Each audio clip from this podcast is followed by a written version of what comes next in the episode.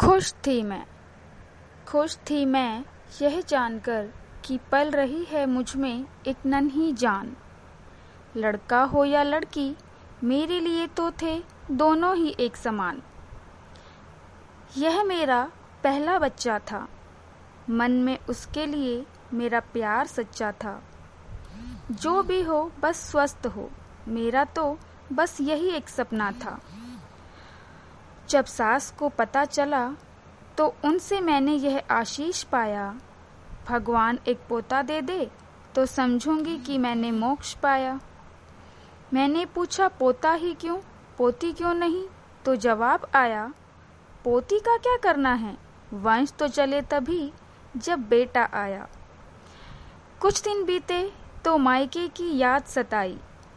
माँ से मिलने गई तो मुझे गले लगाकर उनकी आँख भर आई। नानी बनने वाली थी, यह जानकर वह फूली नहीं समाई।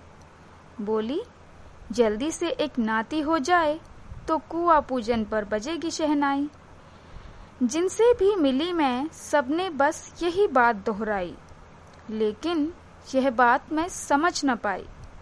आखिर क्यों नहीं, किसी ने भी बेटी होने की इच्छा जताई? आखिर फ़र्क ही क्या है बेटे में और बेटी में? इस सवाल का जवाब मेरा दिल ढूंढता रहा।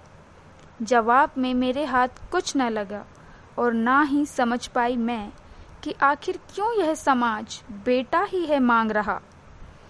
नन्ही जान के दुनिया में कदम रखने का दिन आया। असहनीय पीड़ा से गुजरकर बेहोश हो गई थी मैं। बहुत देर बाद जब मुझे होश आया मेरा सारा दर्द भूल गई थी मैं, जब मैंने मेरी गोद में मेरी बेटी को पाया। आज खुश हूँ मैं, बहुत खुश हूँ मैं, कि जन्म दिया मैंने उसी रूप को, जिस रूप में मैंने जन्म पाया।